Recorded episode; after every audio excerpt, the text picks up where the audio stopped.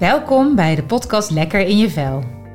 ArborUnie wil dat medewerkers met plezier, veilig en op een gezonde manier kunnen werken. Experts vertellen over de aspecten die er een belangrijke rol in spelen en wat jij als werkgever hieraan kunt doen. In deze aflevering ga ik het gesprek aan met Ginny Noorder, bedrijfsarts bij ArborUnie en leefstijlcoach. En als onderzoeker op het gebied van leefstijl binnen de bedrijfsgezondheidszorg, verbonden aan de Universiteit van Maastricht. Van haar wil ik weten hoe voeding bijdraagt aan het lekker in je vel zitten.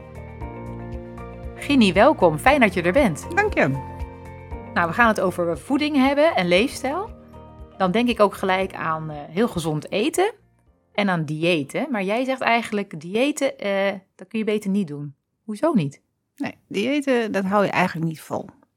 Want als je aan het diëten bent, dan, dan moet je continu nadenken van... hé, hey, ik moet iets anders doen dan, dan normaal. Mm Diëten, je, je wordt er volgens mij mee doodgegooid. Maar als je al die diëten vergelijkt...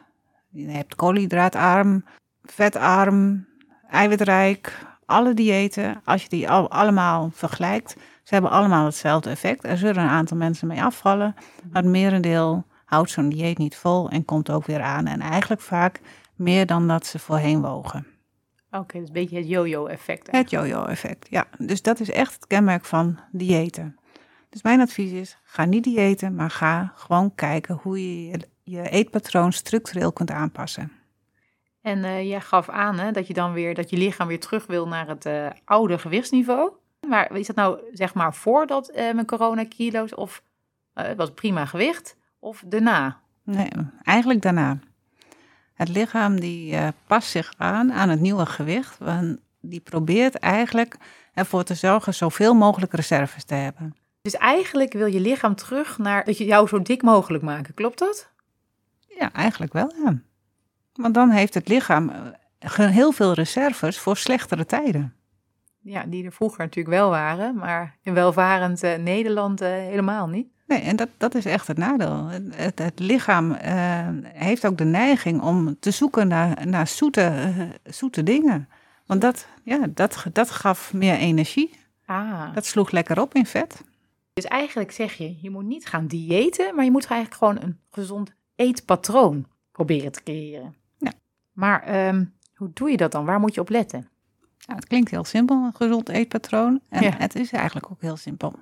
Vertel. Um, nou, eigenlijk alles wat bewerkt is, zou je niet moeten gaan doen. Bewerkt bedoel je? Bewerkt. Nou, wat bedoel ik ermee? Um, de meeste pakjes, kant-en-klaar maaltijden, eigenlijk allemaal niet doen. Gewoon gezond, gezond, ja, gezond eten is, houdt in dat je eigenlijk zelf moet gaan koken. Pakjes zijn natuurlijk wel heel makkelijk allemaal. Ja. En maakt het ook wel net wat lekkerder vaak. Maar het is ook wel eens goed om te kijken wat allemaal in die pakjes zitten. Aha. Ja, als je kijkt achterop hoeveel suiker in de meest kant-en-klare uh, zaken zit, maar ook hoeveel zout daarin zit, dat is gewoon ontzettend, ja, ontzettend slecht. En het is ook niet nodig. Als je het zelf kookt, zitten die spullen er ook niet in. Nee. Dus eigenlijk geef je aan van proberen eh, gewoon niet te gemakzuchtig te, te zijn en uh, tijd te nemen om te koken. Ja, dat is eigenlijk de slimste oplossing. En als je echt gaat kijken hoeveel tijd kost koken nou eigenlijk, valt dat toch ook wel mee kwartier tot 20 minuten heb je toch een gezonde maaltijd op tafel. Of voorgesneden kopen, kan natuurlijk ook. En nog sneller. Ja, en dan, en dan het eten. Je moet ook niet te veel gaan eten. Heb je daar nog tips eh, voor? Uh, ja, en belangrijk is gewoon rustig eten. Niet te snel, want het verzadigingsgevoel komt langzamer. En uh, als je heel snel eet, merk je pas het verzadigingsgevoel. En dan merk je vaak dat opgeblazen gevoel. Dan heb je eigenlijk te veel gegeten. Nee, in een gezonde leefstijl zien we vaak dat mensen als ze ongeveer hun maag voor 80% vol uh, uh, krijgen, dan, dan zijn ze verzadigd, maar dan is er niet dat opgeblazen gevoel. Nee, dat, dat wil je te vol zit. Ik heb wel eens gehoord dat Japanners dat ook tegen elkaar zeggen. Hè, voor het, uh, wij zeggen eet smakelijk. En dat zij dan tegen elkaar zeggen: Oké, okay, eet smakelijk tot 80% Nou ja, maar ik denk ook dat toch 80, 80 het echt lekker is. En daarna is het eigenlijk gewoon te veel. Nou, hebben we het gehad over gezond koken thuis hè? en rustig eten thuis. Maar hoe doe je als werkgever? Welke rol heb je dan als werkgever daar dan in?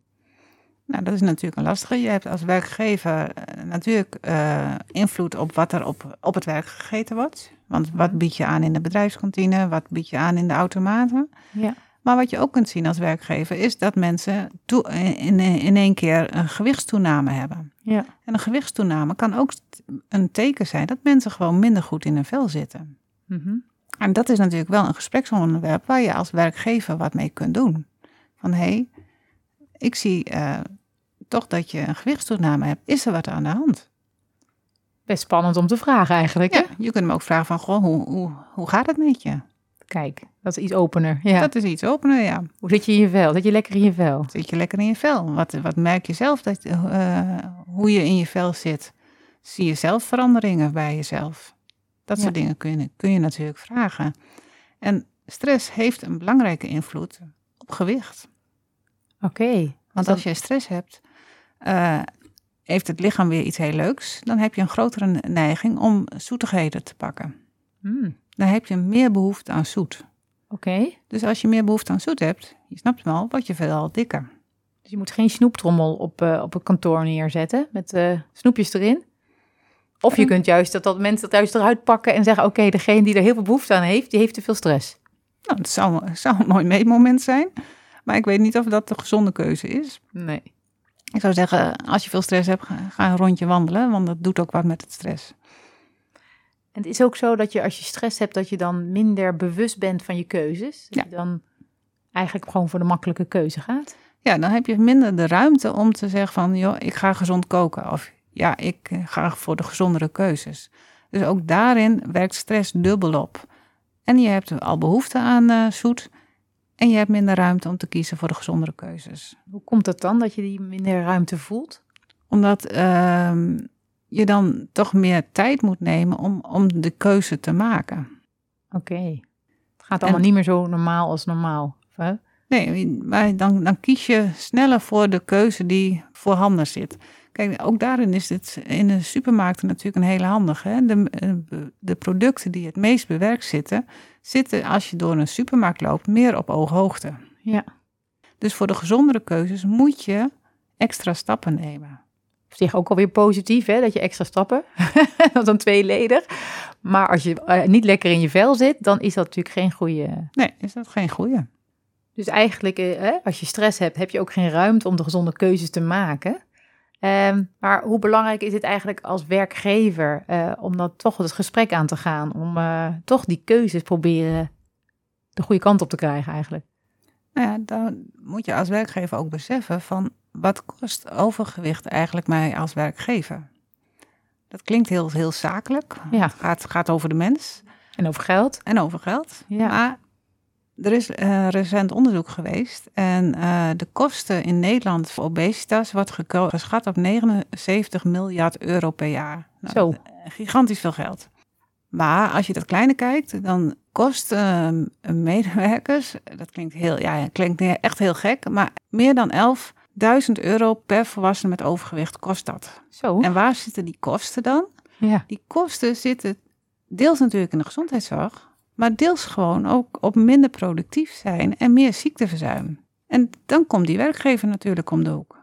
Dus meer dan 11.000 euro per jaar per volwassene met overgewicht. En dan is dat natuurlijk deels in de gezondheidszorg, maar deels is dat ook echt in de, en eigenlijk het grootste deel, is dat verlies in productiviteit. productiviteit. En dat is deels door ziekteverzuim. En dat is weer het ziekteverzuim toch, toch vaak uh, met chronische ziektes. Zo. Dus echt heel belangrijk eigenlijk dat je als werkgever heb je er ook heel veel baat bij. Ja, absoluut. Alleen ik hoop toch dat er gekozen wordt voor eh, de reden van hey, mensen lekkerder in hun veld te laten zitten. Ja, en positief. niet de financiële uh, gedachte erachter. Nee, nee. Als werkgever heb je dat natuurlijk wel in je hoofd, maar de ja, andere kant van het verhaal. En als iemand nou niet wil? Je, ziet, je ziet het belang, zowel voor de medewerker als voor het bedrijf, maar iemand krijgt toch niet zo ver. Heb je dan nog dingen die je kunt doen. Dat je zegt, oké, we gaan verplicht met z'n allen in het rooster een, een, een bootcamp doen. Of, uh, nou ja, of laagdrempelig wandelingen verplicht van een uur per week. Ja, ik denk dat verplicht te lastig wordt, want dan zou het in de taakomschrijving staan, moeten staan. Maar je kunt wel de mogelijkheden meer bieden. Mm -hmm. En de mogelijkheden bieden is veel breder. Is inderdaad van, hé hey jongens, we gaan met z'n allen lunchwandelen. Maar we zorgen ook ervoor dat, dat je niet te langdurig zit achter je bureau. Maar dat er ook de mogelijkheid staat om te fietsen achter je bureau. Het enige nadeel is echt wel dat als iemand echt niet wil, kun je het niet verplichten. Nee. Dus vooral nudgen. Hè? Proberen iemand te verleiden om hè, mee te doen met de gezonde. Om de gezondere keuzes. En ik denk ook als de vibe op een afdeling meer gaat naar de gezonde keuzes, dat, dat mensen ook makkelijker die keuze gaan maken. Nou ja, goede vibe op de afdeling, dat is natuurlijk helemaal uh, fijn. Als werkgever kun je daar natuurlijk ook dingen voor doen. Ik had een voorbeeld van een vriendin die uh, hadden uh, een kookchallenge gedaan. iedereen moest zelf een, een, iets leuks koken thuis en filmen. En wie het lekkerste en gezondste had gekookt, die kreeg dan een kookworkshop. Leek mij zo gaaf. Ja, klinkt gewoon helemaal perfect. Ik, voor mij zou dat zeker een reden zijn om mee te gaan doen. En wat je dan ook laat zien is dat gezond koken niet zo moeilijk is. Mhm. Dat is ook, ook belangrijk. Van gezonde keuzes maken is niet zo moeilijk. Zo had ik ook een voorbeeld van een, uh, een chauffeur die altijd uh, tijdens de ritten cola dronk. Nou, ja. was fors in gewicht. En wat zie je? Hij beseft van, hé, hey, ik moet een andere keuze maken. Stop met het cola drinken. En valt gewoon 15 kilo af. Zo, dat is best wel veel. Dat is heel veel. Alleen al door die cola te laten staan. Ja, alleen door de cola te laten staan. Hij dronk wel heel veel cola, dat geef ik ook toe. Maar het was gewoon een, een andere keuze. Hij dronk gewoon water, net zo lekker. En 15 kilo lichter. Kijk, dus als werkgever moet je ook zorgen dat er gewoon heel veel waterpunten hè, op het werkvloer staan. Ja, zeker. En liever geen, uh, geen frisdranken. Frisdranken zijn echt suikerbommen. Ja, dat weten we allemaal, maar het is zo verleidelijk, hè? Dan gaan we weer met het stress en het zoet. Ja, ja. Maar water is echt lekker. Ja, we hebben inderdaad uh, nou, een mooie, uh, mooie afsluiting uh, zo, uh, Gini. Hè, dat, over voeding en dat het heel belangrijk is met je leefstijl. En ja, dat je als werkgever echt wel wat in kunt betekenen. Absoluut. Nou, bedankt. Dit was de aflevering van de podcastserie Lekker in je vel. We hopen natuurlijk dat we hebben kunnen inspireren om met voeding en leefstijl aan de slag te gaan. En wil je meer weten over hoe je mensen lekker in hun vel laat zitten?